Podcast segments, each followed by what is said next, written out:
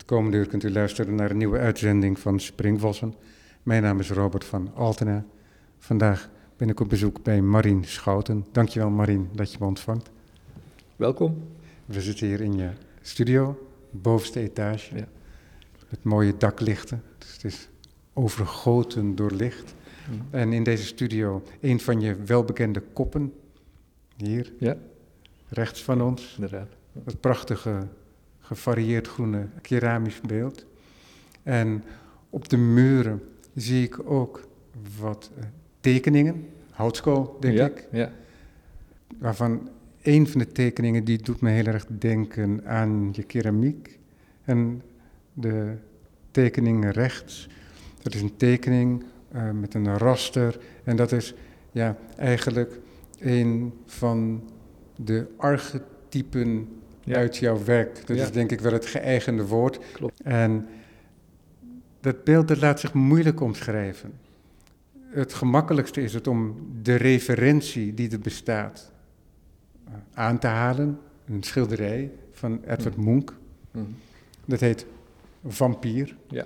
En dat heb je ook gebruikt als titel voor een aantal van deze werken, denk ik zelfs. Hè? Want Ja. volgens mij is het zelfs Ja. een geval van meervoud. En het is een beeld, vorm, een beeldomgeving zou je kunnen zeggen. Want het, eh, die ehm, je eigenlijk al in de jaren tachtig aanraakt Ja. vindt, creëert. En dan zie je al dat de kunstwereld een rol speelt, mm, de schilderkunst van dat moment, hè, dat spel met de raster en figuur. En tegelijkertijd ook de eigen verbeelding, Mhm. die misschien probeert om een soort weg te vinden. Je was toen nog een hele jonge kunstenaar ook, Mhm.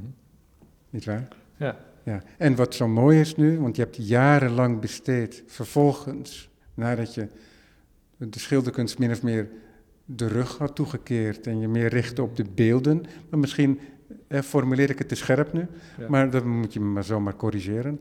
En heb je een, een aantal jaar geleden, ik denk een jaar of vijf geleden als ik het goed begrepen heb, ben je naast die beelden en de installaties die je hebt gemaakt, hè, want het zijn niet alleen maar beelden op sokkel, maar het zijn ruimtes op zich, ruimtes in tentoonstellingsruimtes of omvormingen van tentoonstellingsruimtes, waardoor de relatie tot het beeld veranderde. Maar niet alleen dat, ook de relatie tot de ruimte, waarmee de ruimte Ja. veranderde en dus ook de aard van de ruimte en hoe we die beleven en wat we denken over datgene wat we in zo'n ruimte zien. Ja. En een aantal jaar geleden ben je ook weer gaan schilderen.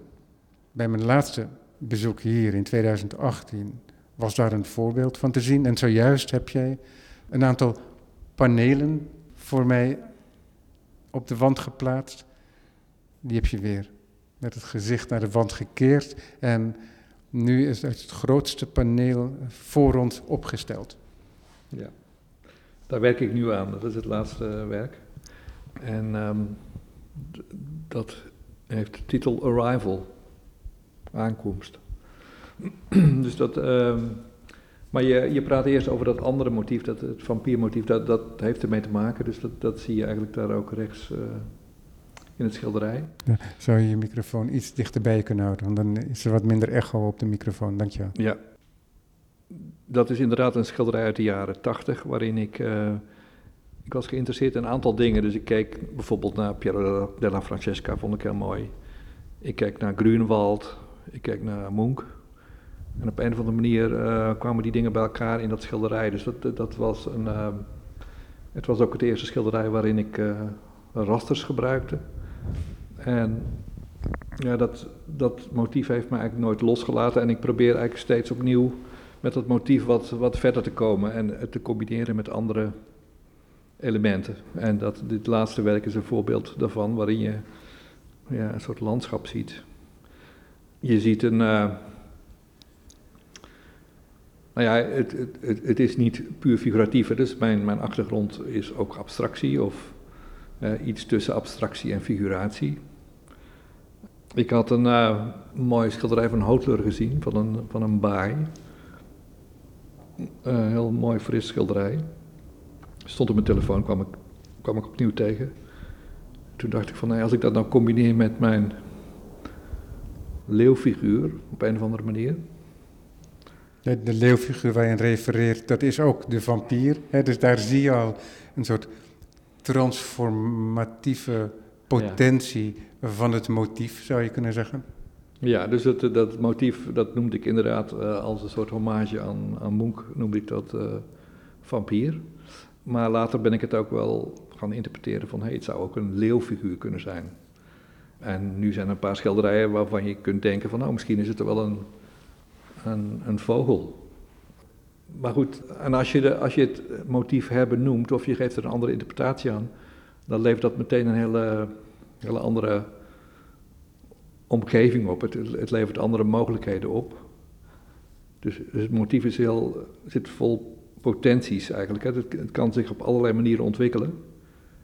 En dat is wat ik nu aan het doen ben. Om de luisteraar een idee te geven waar we naar kijken. Het is een groot paneel, 2,30 hoog, meen ik, zei je net? 2 meter 13. Der, 13 ja, hoog 55, ja. en 1,55 breed. Staande rechthoek. En zoals in de andere panelen ook, is er de mogelijkheid om er iets landschappelijks in te zien.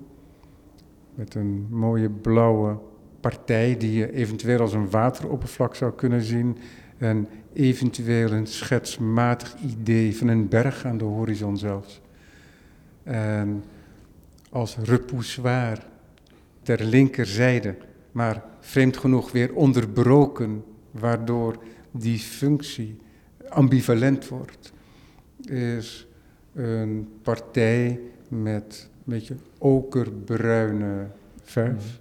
Een soort lap is dat, een soort gordijn. Ja, ja. en er is ook een soort weefsel door horizontale en verticale streken gemaakt. Maar zoals ik al zei, die wordt onderbroken door het blauw. En ter rechterzijde van het centrum is dat getransformeerde motief, de vampier, de leeuw, de paradijsvogel, zo je wilt. Maar je zou er ook inderdaad tropische begroeiingen kunnen zien. Het is bloedrood. Dus niet geronnen bloed, maar mm vers vloeiend bloed. Ja. En er is geen stevige gestalte neergezet. dat is wel belangrijk om te zeggen. Het is echt verf op paneel. En die verf die is verbreid ook over wat andere lagen verf. En omdat het geclusterd is, omdat het streken zijn bij elkaar, wordt het gegroepeerd. En heb je de mogelijkheid om er eventueel een lichaam van te maken, gestalte van te maken. -hmm. ja. Maar het is in eerste instantie, zou je moeten zeggen, denk ik, toch ook kleur. Ja. Ja, het ontstaat heel uh, schetsmatig en ook heel intuïtief. Dus die intuïtie is heel uh, belangrijk. Tegelijkertijd heeft het motief inmiddels zo'n um, geschiedenis. Dus de, de, herhaling levert ook op dat, dat je het motief herkent en dat je het ook het motief in verschillende condities ziet. Waardoor dat motief een soort uh, ja, eigen leven gaat leiden. Um, ik, dat vind ik wel belangrijk. Dus dat, dat uh, het is heel lastig te achterhalen of te benoemen wat dat motief dan zou betekenen. Maar misschien is dat ook helemaal niet uh, de functie van de kunstenaar. Maar de kunstenaar moet het eigenlijk een, een, een lichaam geven. Die, moet het, uh, die, die, die, haalt het uit, het uit het rijk van de verbeelding. Maar hij, hij maakt er een concrete vorm van. Of een con concrete figuur van. En door die figuur te herhalen krijgt die figuur een soort ja, bestaansrecht, ook een bestaanswijze. Uh, waardoor het mogelijk is om, er, om over dingen die eigenlijk moeilijk te benoemen zijn, om daar toch een gesprek over te hebben en te vergelijken met hoe het motief zich bijvoorbeeld gedraagt in een andere context. Denk je na in termen over dat motief? Dus zojuist zeg je, als je het een andere naam geeft, dan geeft het ook een soort semantische aanzet mm. om een andere omgeving te gaan denken. Maar speelt zich dat door de jaren heen af in je hoofd? Ehm, Want wat hier gebeurt met de vampier-leeuw, dat is op een andere manier ook gebeurd met de kop, met, met het beeld. Ja. Ja, dat er een soort archetype is ontstaan, mm, die allerlei varianten kent door de loop van de jaren heen. En, maar toch, toch ook vaste kenmerken mhm. heeft. Ja. En dat zijn kenmerken die niet gebeeldhouwd zijn in de zin dat ze, het is niet dat jij een lijst hebt van dingen die niet mogen veranderen. Nee, er is geen vast, ehm, vaste formule Mhm. die je daarin hanteert. Ja. Dus er is de vastheid van de herhaling en tegelijkertijd is er de openheid die die transformatie mogelijk maakt. Ja. En dat heeft denk ik te maken ook dat jij geneigd bent om vrij te denken. Maar is het moeilijk om die openheid te houden als je zo'n motief zo vaak gebruikt? Ehm, ja, moeilijke vraag. Ik, het, is, het is ook een, een soort spel. Hè? Dus je, je hebt het motief. En door het te combineren met andere motieven, kunnen er ook ja, een hele reeks aan verschillende sferen ontstaan. eh, verschillende sensaties. Hè? Dus je, in, in dit schilderij is die waterpartij, hè? of die wat water zou kunnen zijn, die is vrij aanwezig. Eh, en daardoor krijgt het schilderij een soort temperatuur. Misschien voel je iets van een atmosfeer die er eh, zou kunnen zijn, hè, waar het naar verwijst. Dus je, je, fantasie ja, roept een aantal eh, sensaties op. Hè? Dus van dingen die je ooit hebt gezien, landschappen die je ooit hebt ervaren. En dat is, dat is eigenlijk heel grappig om, ehm, om daarmee te spelen en ook, ook experimenten te doen. Van, eh, in dit schilderij heb je dan bijvoorbeeld die, die, die okere lap die als het ware fladdert in de wind. En dan de volgende uitdaging zou kunnen zijn, wat, is het, wat zou er nou gebeuren als je een half transparante lap over het hele schilderij laat wapperen en daarachter een figuur schildert. Hè? Dus dat, dat wordt dan een uitdaging. En ook, ja, dat is gewoon heel leuk om uit te proberen van, lukt dat dan en hoe, hoe moet ik dat dan aanpakken dat het geloofwaardig wordt? Want je ziet ook dus dat verschillende gebieden op verschillende manieren geschilderd zijn. Dus die, die lap die is inderdaad geschilderd als een weefsel. Hè. Er zijn lange, eh, lange lijntjes die als gearceerde vlakken over elkaar heen vallen, alsof het een, inderdaad een weefsel is.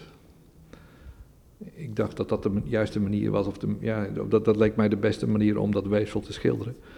Terwijl voor water is, zie je een soort horizontaliteit en, en eh, daar is, is die, die blauwe kleur is dan ook, ja, die, die, die versmelt met elkaar. Een soort eh, een ruimte die zich uitbreidt. En daaronderin, dat is eigenlijk geen onderdeel van het gordijn, maar dat is een, de voorgrond van een soort zanderige of rotsige kust. En daar ben ik, dus ik ben nu bezig met die onderkant, daar ben ik nog niet, niet, niet uit, die is nog wat onrustig, denk ik.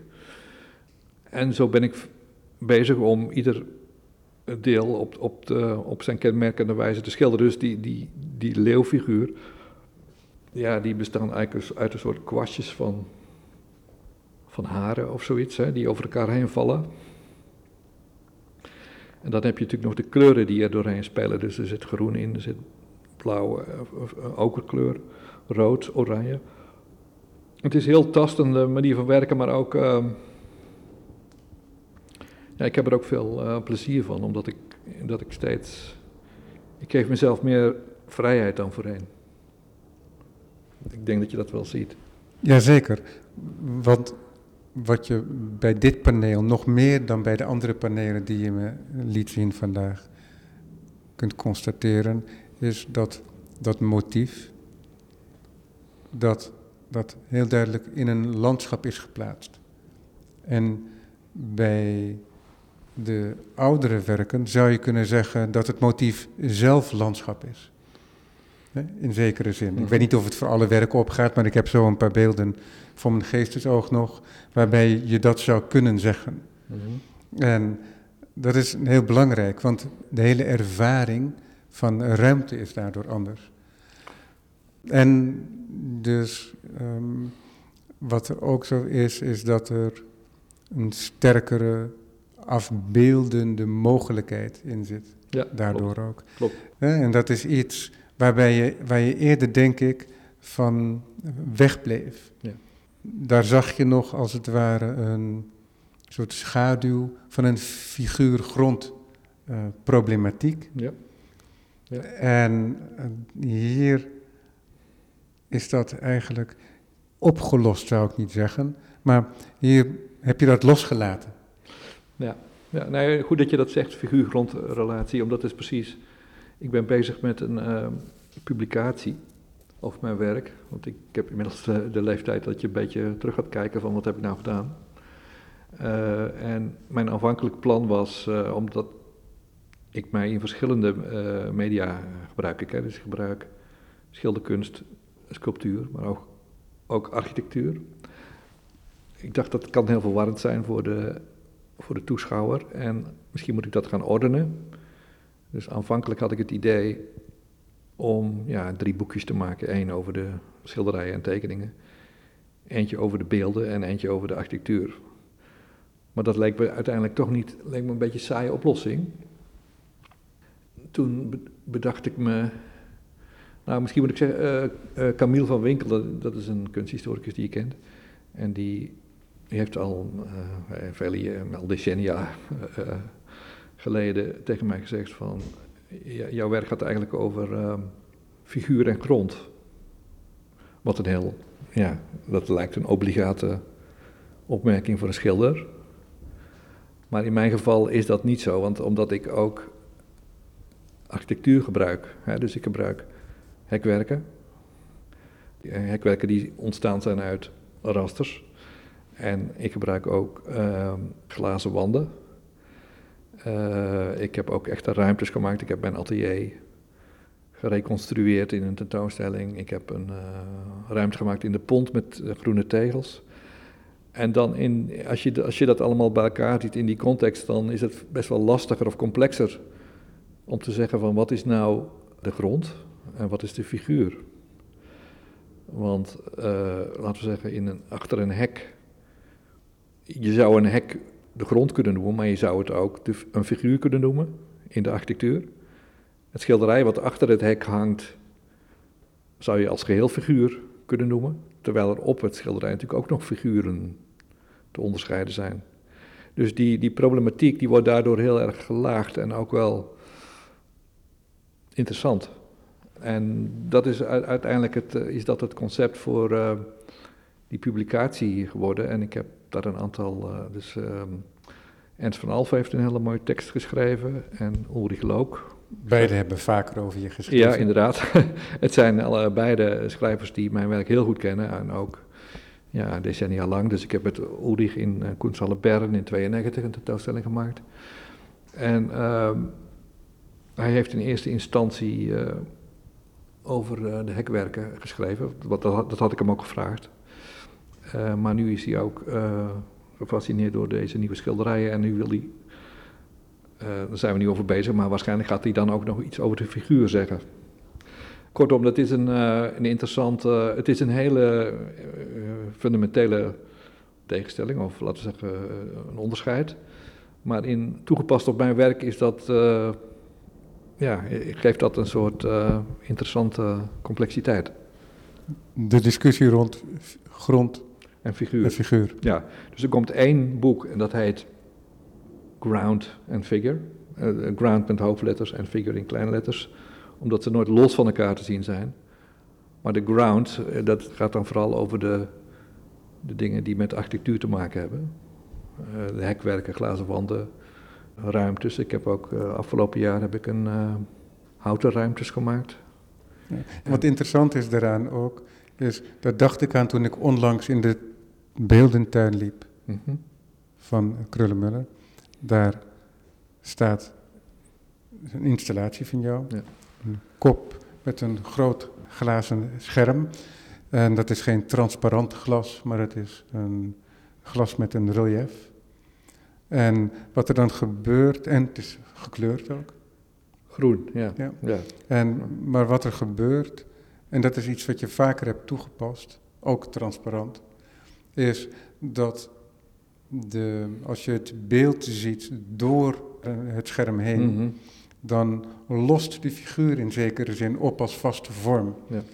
En wordt als het ware schim. Ja. En dat is een spel ook met, zou je kunnen zeggen, eh, als we dan vanuit die conceptuele scheiding spreken van figuur en vorm, is ook een spel daarmee zou je kunnen zeggen. Ja, Ja. Ongeacht of dat een rol voor je speelde Mhm. tijdens jouw ingreep natuurlijk. En ik herinner me ook veel beelden van jou, oude beelden, die volgens mij destijds in het Stedelijk Museum waren te zien. Een schilderij waarbij het centrum open wordt gelaten. Eh, en waarbij dan de, laten we zeggen, een soort scène bijna wordt gecreëerd.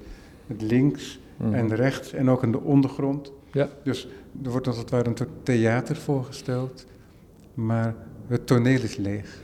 En dat is een, bijna een soort omkering dan hè, van dat idee van figuur grond ook.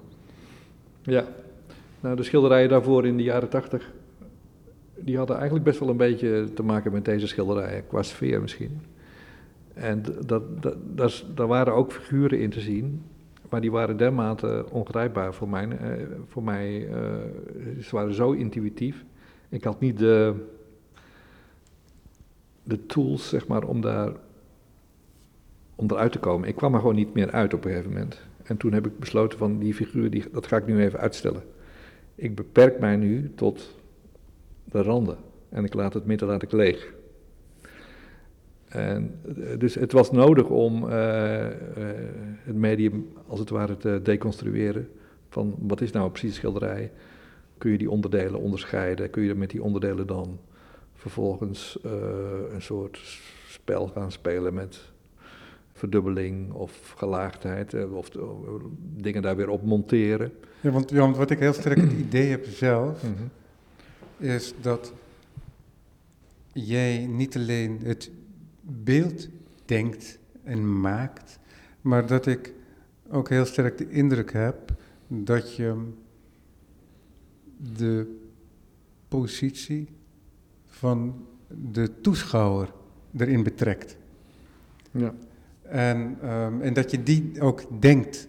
Dus dat je het in zekere zin denkt als, als diorama. Dus ik sta niet hier voor een schilderij, Mhm. of in dit geval zitten dan, maar ik kijk niet naar een paneel en het bevindt zich allemaal daar. Maar ik heb heel sterk de indruk dat jij dat schilderij ook ziet met ons erin als het ware, met ons erin betrokken. En, ehm, en dat is in het verleden ook geweest doordat je het schilderij naar buiten projecteerde.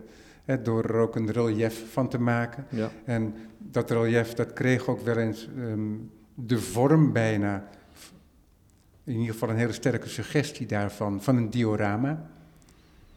Mhm. En ehm, een kijkinstrumenten. En ik moet eerlijk zeggen dat jij geeft ook vaak, en dat doe je nog steeds, steeds sumierder natuurlijk. eh, of natuurlijk, maar dat is natuurlijk als je het beeld hier voor je ziet. Je geeft steeds sumierder een kader aan, een raster. Mhm. En dat raster dat bestaat uit twee verticale lijnen, wat uit het centrum geplaatst, en twee horizontale, Mhm. boven en onder. En dat is een soort herinnering aan een oud raster, Ja. hè, wat veel regelmatiger geplaatst werd vroeger. Ja. En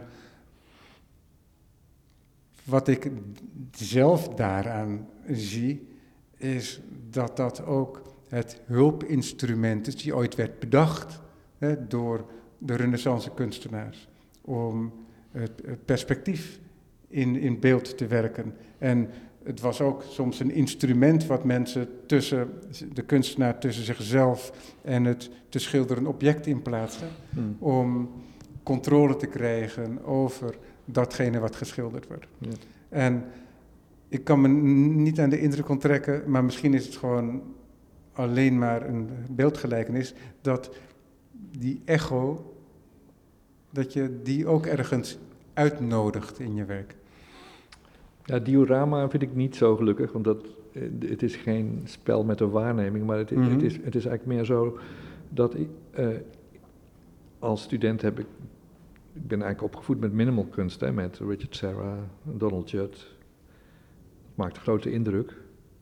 En het kenmerk van minimal kunst is dat, eh, dat, dat die werken zich gaan voordoen in de ruimte van de beschouwer. Dus de beschouwer is eigenlijk, gaat een directe relatie aan met die, eh, met, die met bijvoorbeeld de werken van Serra. eh, die- staan niet op een sokkel, maar die maken onderdeel uit van de fysieke ruimte waar ook de toeschouwer... Ja, precies. eh, Zoals schilderijen ook in de ruimte geprojecteerd werden, zoals bij Schoonhoven. Zoals dat de schilderijen werden ontdaan van hun kaders mhm. ook. Dus Ja. het kunstwerk bevindt zich in de ruimte waar wij ons ook bevinden. En deelt in dezelfde werkelijkheid, zou je kunnen zeggen. Ja, nou en dan, wat dan vaak gebeurde, daar, daardoor werd het schilderij als, als, werd tot object gemaakt. Hè? Dus een, of het, het, het, het monochroom of de, het schilderij als object. Maar dat vond ik jammer, want eh, het, het, het schilderij heeft veel meer potentie. heeft ook een illusoire potentie. Of een symbolische potentie. Symbolische potentie, hè? dus de, de, de, de, de potentie van wat het schilderij allemaal zou kunnen suggereren, dat je, als je het eh, schilderij reduceert tot object, eh, dan haal je dat allemaal weg. Dus dat, daar kon ik niet mee leven. Dus maar aan, aan de andere kant vond ik het wel heel belangrijk dat, dat we het schilderij ook als fysiek object, of als, als lichaam eigenlijk, misschien is dat een beter woord, zouden ervaren dat het dat, wat daadwerkelijk in onze, eh, ons- onze kijkomgeving zit. En je ziet bij heel veel schilders dat die toch eh, zich tevreden stellen met het schilderij als een, ofwel, ze kiezen ofwel het wordt een object, ofwel het wordt een, een raam naar een andere realiteit. Ja. Maar niet beide. Nee, dat is, dat is het geval bij jou, dat het beide is. En daarom ehm, Ja. kom je lichtelijk in opstand als ik het woord diorama gebruik. Maar er is ook een theatraal aspect in je werk. Ja. En dat wil ik aanraken met het woord diorama. En ik weet inderdaad dat diorama ook staat of valt bij een gesloten illusie als het ware. En die afgeslotenheid, die wil jij juist doorbreken. Mhm. ja. Ehm, daar ben jij veel ambivalenter in. Ja. Nou, ik, het, het eerste keer dat ik een raster gebruikte, was het eigenlijk ook eh, om. eh, ik gebruikte het raster als een soort skelet waar ik dingen overheen drapeerde. Ik had heel veel. eh, ik vond het lastig om die eh, figuur te eh, definiëren, van, want die is zo ongrijpbaar. En ehm, dat, dat kostte me ook ontzettend veel tijd. Eh, en, en ik merkte toen ik dat raster ging gebruiken, dat ik daar, daarmee een soort een skelet in, in het schilderij bracht waarin wat, wat een mooi tegenwicht bood tegen de, ja, de golvende lijnen van de figuur. Ja, ja, wat ik fascinerend vind, is dat die figuur altijd, om jouw woord dan eventjes te lenen nu, skeletloos is gebleven zelf. ja, Ja, dat is heel interessant. inderdaad. Ja. Dat jij ook beeldhouwer bent. Ja. En dat je dus heel duidelijk een keuze maakt, intuïtief of bedacht, Mhm.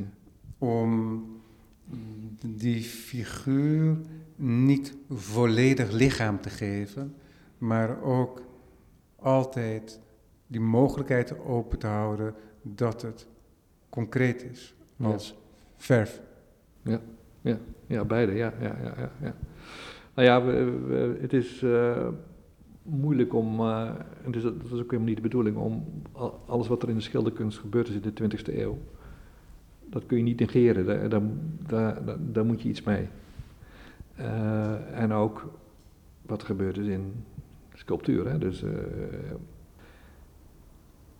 mensen van, maar ja, ik denk dat schilders nu, die moeten op een of andere manier, moeten ze rekening houden met Donald Judd. Hoe dan ook, hè. Eh, dat, het is...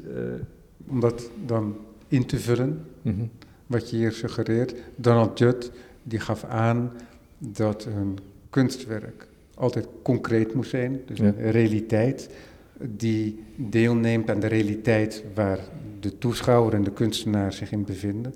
En een schilderij was altijd op enig moment illusoir in zekere zin. Ja, Omdat er altijd die illusie zou kunnen zijn, ook in een volledig rood geschilderd vlak met een zip van Barnard Newman, ja, een, dat er een ruimte was ja, waar je doorheen kon.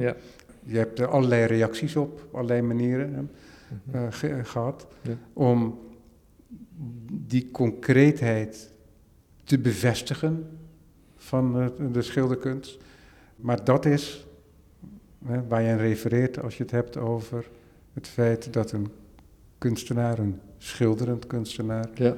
op een bepaalde manier moet refereren, eh, moet in gedachten moet hebben en verdisconteren wat dat betekent voor zijn schilderkunst. Ja. Dat hoeft niet heel concreet te zijn, maar dat, het moet in, zijn, in het bewustzijn een rol spelen. Het is iets wat we niet kunnen negeren.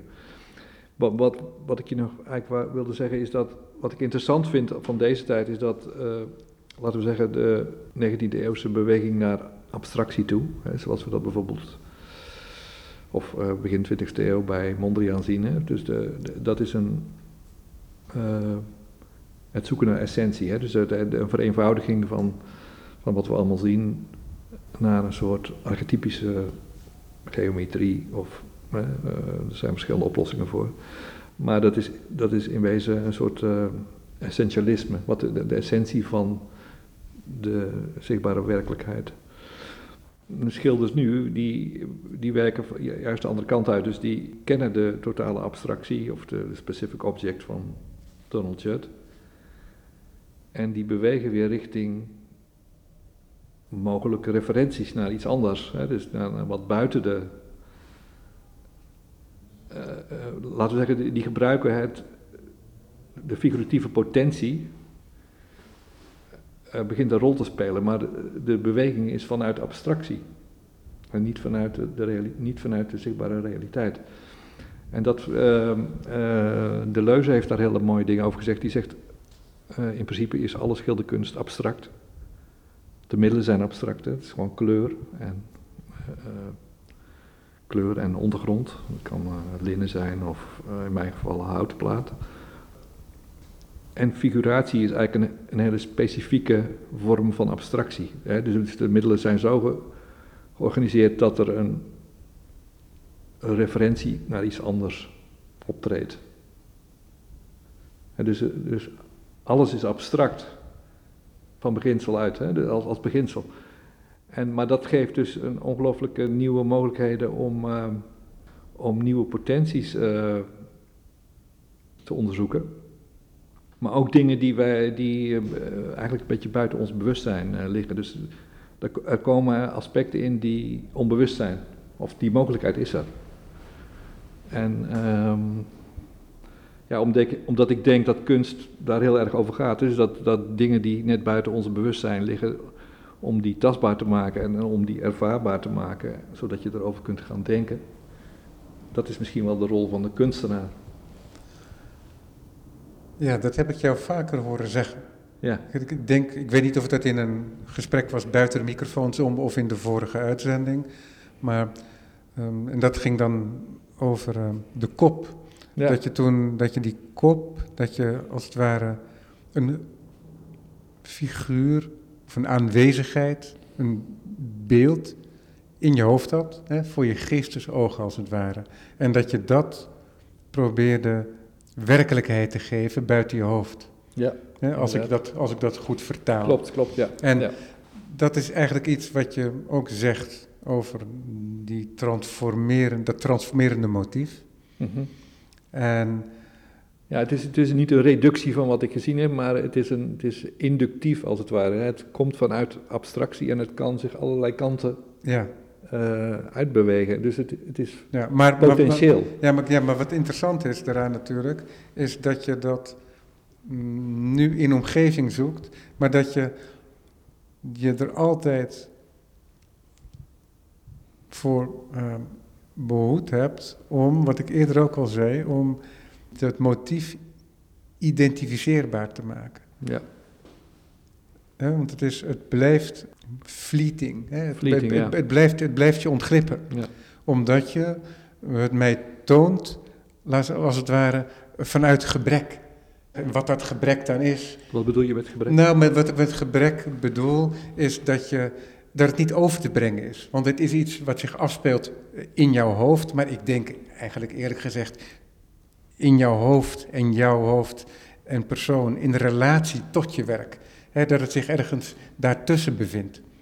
En dat ehm, het heel gelukkig is ook dat het niet identificeerbaar wordt. Ja. Want daarmee zou je, eh, zou je het als het ware ehm, vastleggen en stilleggen. Ja. En dat zou betekenen dat het zijn functie zou verliezen, voor mij ook. Ja. Omdat, ehm, omdat ik het dan een, een naam zou kunnen geven, Ja. bij wijze van spreken. Ja, ja. En dat betekent ook dat de hele omgeving zich daar helemaal naar gaat richten. En nu is het zo dat die gestalte eh, zich richt naar de omgeving die hem, die hem geeft. Mhm. En dat is een principiële openheid. Maar wat nou zo interessant is, is dat je als kunstenaar probeert dingen op een bepaalde manier toch. nou, definiëren is niet het juiste woord, maar je wilt iets maken. En je wilt iets proberen te maken zo dat het niet anders kan zijn. Mhm. Sorry voor deze vage, eh, deze vage woorden. Maar, en je wilt een punt bereiken op een hele intuïtieve manier. Ja.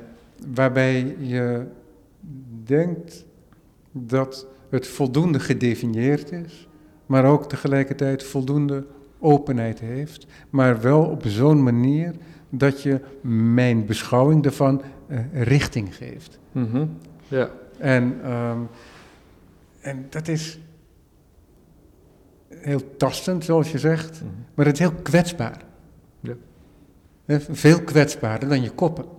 Omdat je koppen, die zijn zo aanwezig. Hè, die zijn zo onderhevig aan zwaartekracht. Mhm.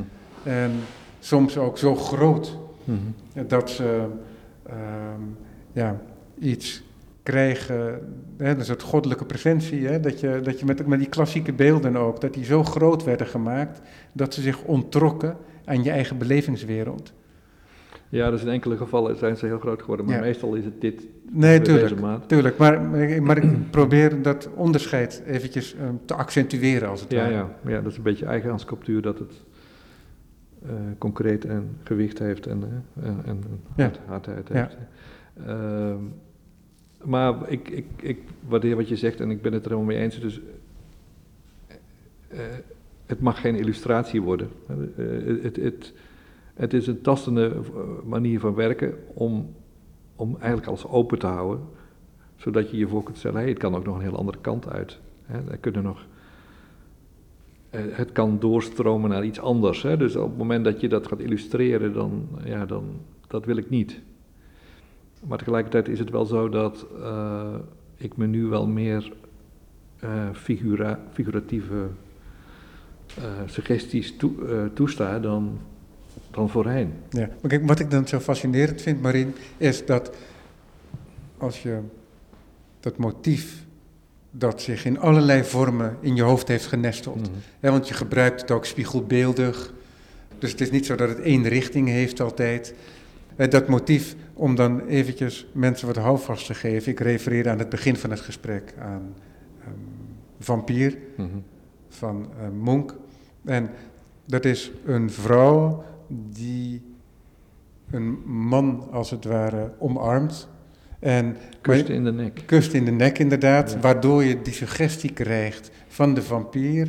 Dus haar hoofd vindt zich boven het hoofd van de man. Het hoofd van de man is wat genegen, waardoor de hals bloot komt te liggen. En het vampierachtige, dat wordt aangezet doordat de vrouw lang rood haar Ja, heeft en dat uitstroomt over die figuur. ja. En dat stromen, hè, dat is ook in jouw werk terechtgekomen. Ja, ja. ja dat haarmotief vind ik ook heel, heel eh, boeiend, vind ik interessant. Eh, ja, vraag me niet waarom. Ja, wat, wat, wat misschien grappig is, dat ik best wel heel uh, vasthoudend of misschien zelfs wel obsessief met motieven omgaat, terwijl de, de media variëren. Dus heel veel, uh, heel veel andere kunstenaars die zijn trouw aan hun medium. En het motief varieert, hè? dus die schilderen een uh, even over een landschap of een portret. Of, uh, maar uh, bij mij is, is het motief wat. Het motief is eigenlijk een soort steeds terugkerend element. En dat is niet per se een keuze, maar anders krijg ik het gewoon niet voor elkaar. Dus ik, het is nodig. Het is nodig om het iedere keer opnieuw te maken om een greep op te krijgen. Ja, maar wat ik net nog wilde aangeven, want ik, dat, ik begrijp dat. Ja. Maar wat ik aan wilde geven, is wat nou zo interessant is, dat dat motief, dat, daar kan, kan ik me bijna over voorstellen dat je er wel eens over droomt. En snap je, dus dat is zo eigen geworden. Mhm. Maar ik, we hebben het nu voortdurend gehad over het feit dat het echt verf is. Maar wat nog niet vermeld is, is dat als je dichtbij komt te staan, en dat is ook het geval bij de panelen die je me hebt laten zien, dus dat die motief, dat motief dat is wel um, schetsmatig, maar wel met uh, definitieve lijnen, zachtjes, mm -hmm. is aangegeven met potlood. Ja? En dus hij is als het ware, die, die ruimte, dat, dat is een houten plaat waar een witte grond op is geschilderd. Daarop is een heel sumier raster van vier lijnen neergezet. Mm -hmm. Dus dat is meer een soort indeling bijna. Waardoor het geen oneindige witte ruimte meer is. Nee. Dus er is een minimale vorm van structuur. En aan de rechterkant, op de verticale lijn, is als het ware het motief opgehangen, zou je kunnen zeggen. Mm, maar die is dus in eerste instantie ook met potlood aangegeven. Dus je hebt hem op een bepaalde manier iets van een, van een omtreklijn, van een contour gegeven, als het ware. Maar zonder dat het contour continu is. Hè? Want het zijn, dat, is, dat contour is gefragmenteerd. Ja. Als ik begin heb ik een, eh, een heel globaal eh, beeld van wat ik wil maken. Een soort eh, scène of een soort voorstelling. Die schets ik dan met potlood, in grote lijnen, schets ik dat. En dan begin ik met, met verf daar toetsen in te zetten. Ja. En ja, die- maar dat vind ik zo fascinerend, omdat je dat motief en alle variaties daarvan, daar, daar- daarvan zou ik denken, daar heeft die man toch geen, eh, geen lijnen meer voor nodig. Maar, maar kennelijk is dat een manier van werken die je gebruikt. Maar heeft dat ook nog een andere functie? de, de schetslijnen. Ja, Eh, want je laat ze staan. Hè? Het is niet zo dat je ze bedekt of camoufleert. eh, Ze zijn deel van het werk, maar je ziet ze nauwelijks als je er een paar meter Ja, vanaf nou, dat, ik vind het ook fijn dat er lijnen zijn die zeg maar tussen het schilderen, dus tussen de verf en de, en de ondergrond zitten. Dus die, die brengen als het ware een soort ja, vage eh, voorvoorstelling, een soort vage eh, tussenlaag aan die, waar, waar, waarop de geschilderde toetsen zich makkelijk kunnen hechten als het ware. Het is, eh, ja, dat, dat is een heel organische overgang tussen schetsen en schilderen. Ja, ja want En soms eh, ga ik naar de hand weer eh, lijnen er toevoegen. Of, eh, oh, dat doe je ook. ja, ja, ja. Ja. Nou, je ziet bijvoorbeeld in, de, in die okere lap, eh, zie je daar bijvoorbeeld die zwarte lijnstukjes, hè, die suggereren een soort schaduw. Ehm, ja, ik kan wel iets zeggen over, die- over die okere lap, want ik, ik, ik merkte, eh, soms raak ik een beetje geïrriteerd door het wit. Hè, dus eh, eh, het wit, wat eigenlijk een gegeven is, de, de, je begint eerst met het eh, met, paneel wit te schilderen en dan ga je daar verder op werken. Ik dacht het zou fijn zijn als er al een kleurvlak is eigenlijk waar ik... ik, ik zag het bij andere schilders, ik kijk natuurlijk ook naar andere schilders, die beginnen vaak met bijvoorbeeld de helft of een groot deel van een, van een schilderij een kleur te geven. En dan heb je een soort kickstart, hè? Dan, dat, dan, dan heb je al iets. En ik dacht, als ik die lap maak, dan heb ik een soort kleurvlak. Waardoor die andere dingen. Ja, de, die, Zich daartoe verhouden. Dus ja, wat, precies. Dat geeft een soort uh, uh, omveld wat heel prettig is. En, en Ja. kleur, een kleurklank uh, scherm wat, waar andere dingen zich naartoe kunnen verhouden.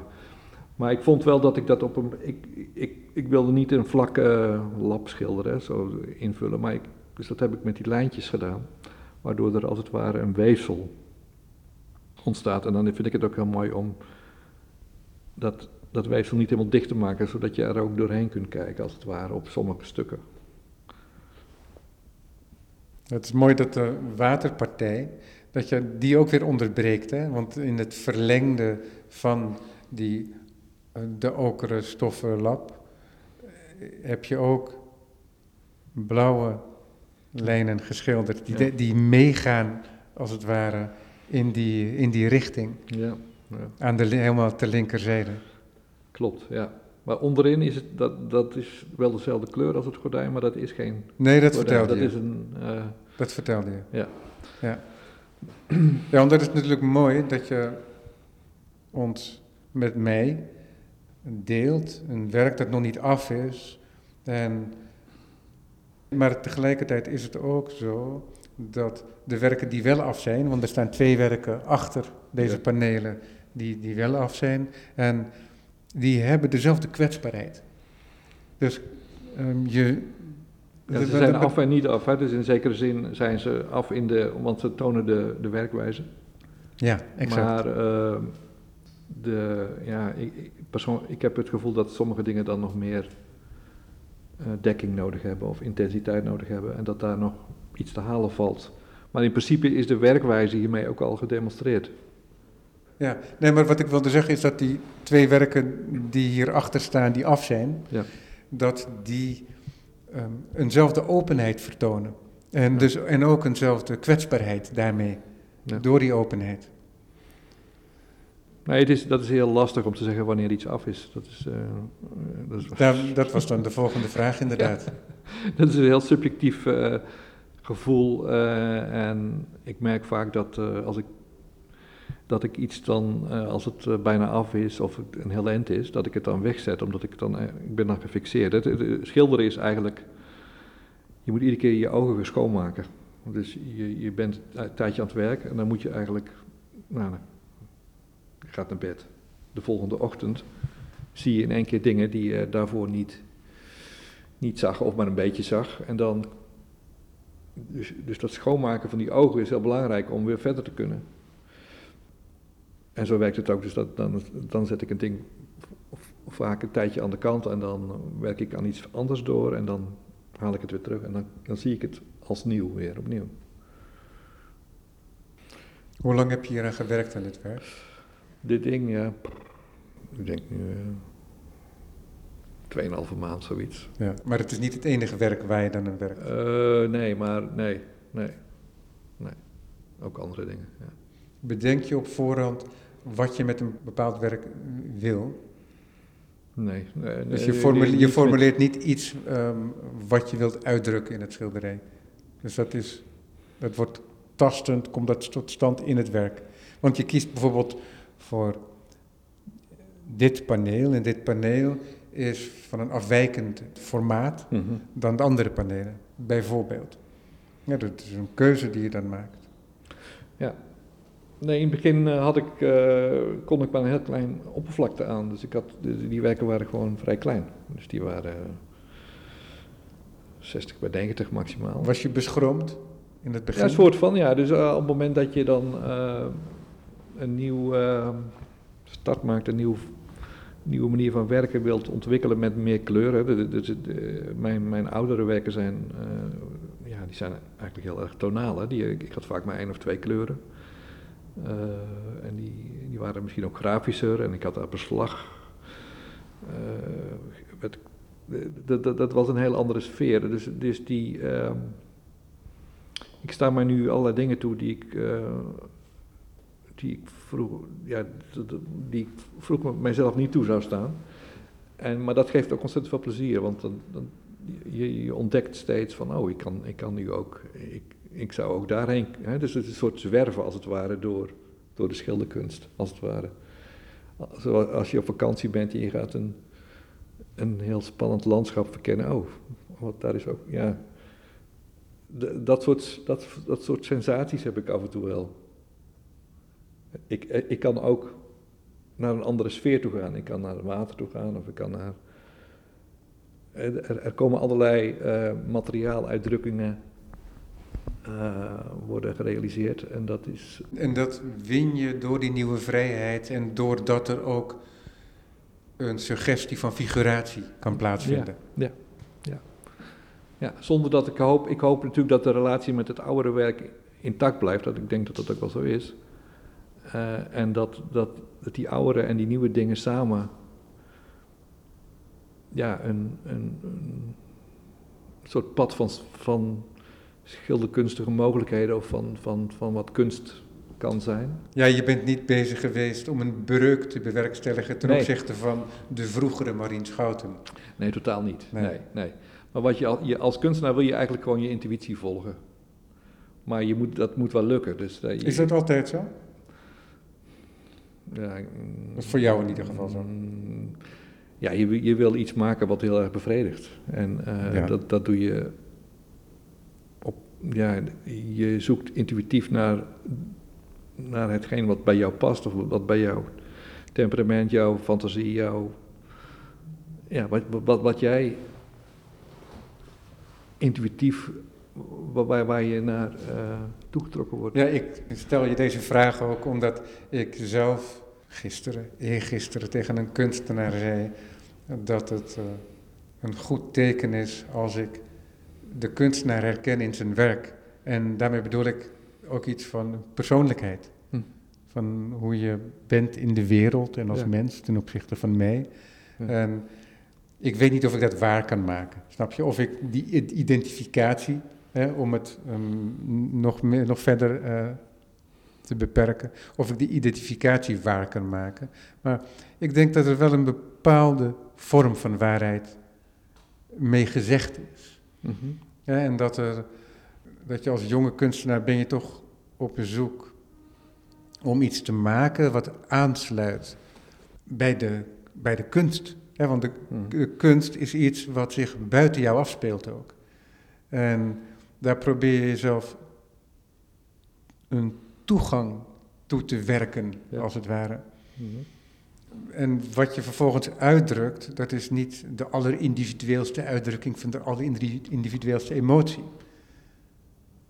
Maar de keuzes die je maakt, en er zijn bepaalde aspecten aan, zoals bijvoorbeeld wat er uit dit gesprek voortkomt, is dat jij ook de manier waarop je het formuleert, dat je probeert om te voelen wat je zegt, heb ik de indruk. Mhm. Dat er een soort aarzeling in zit, Ja. omdat je wil vermijden dat je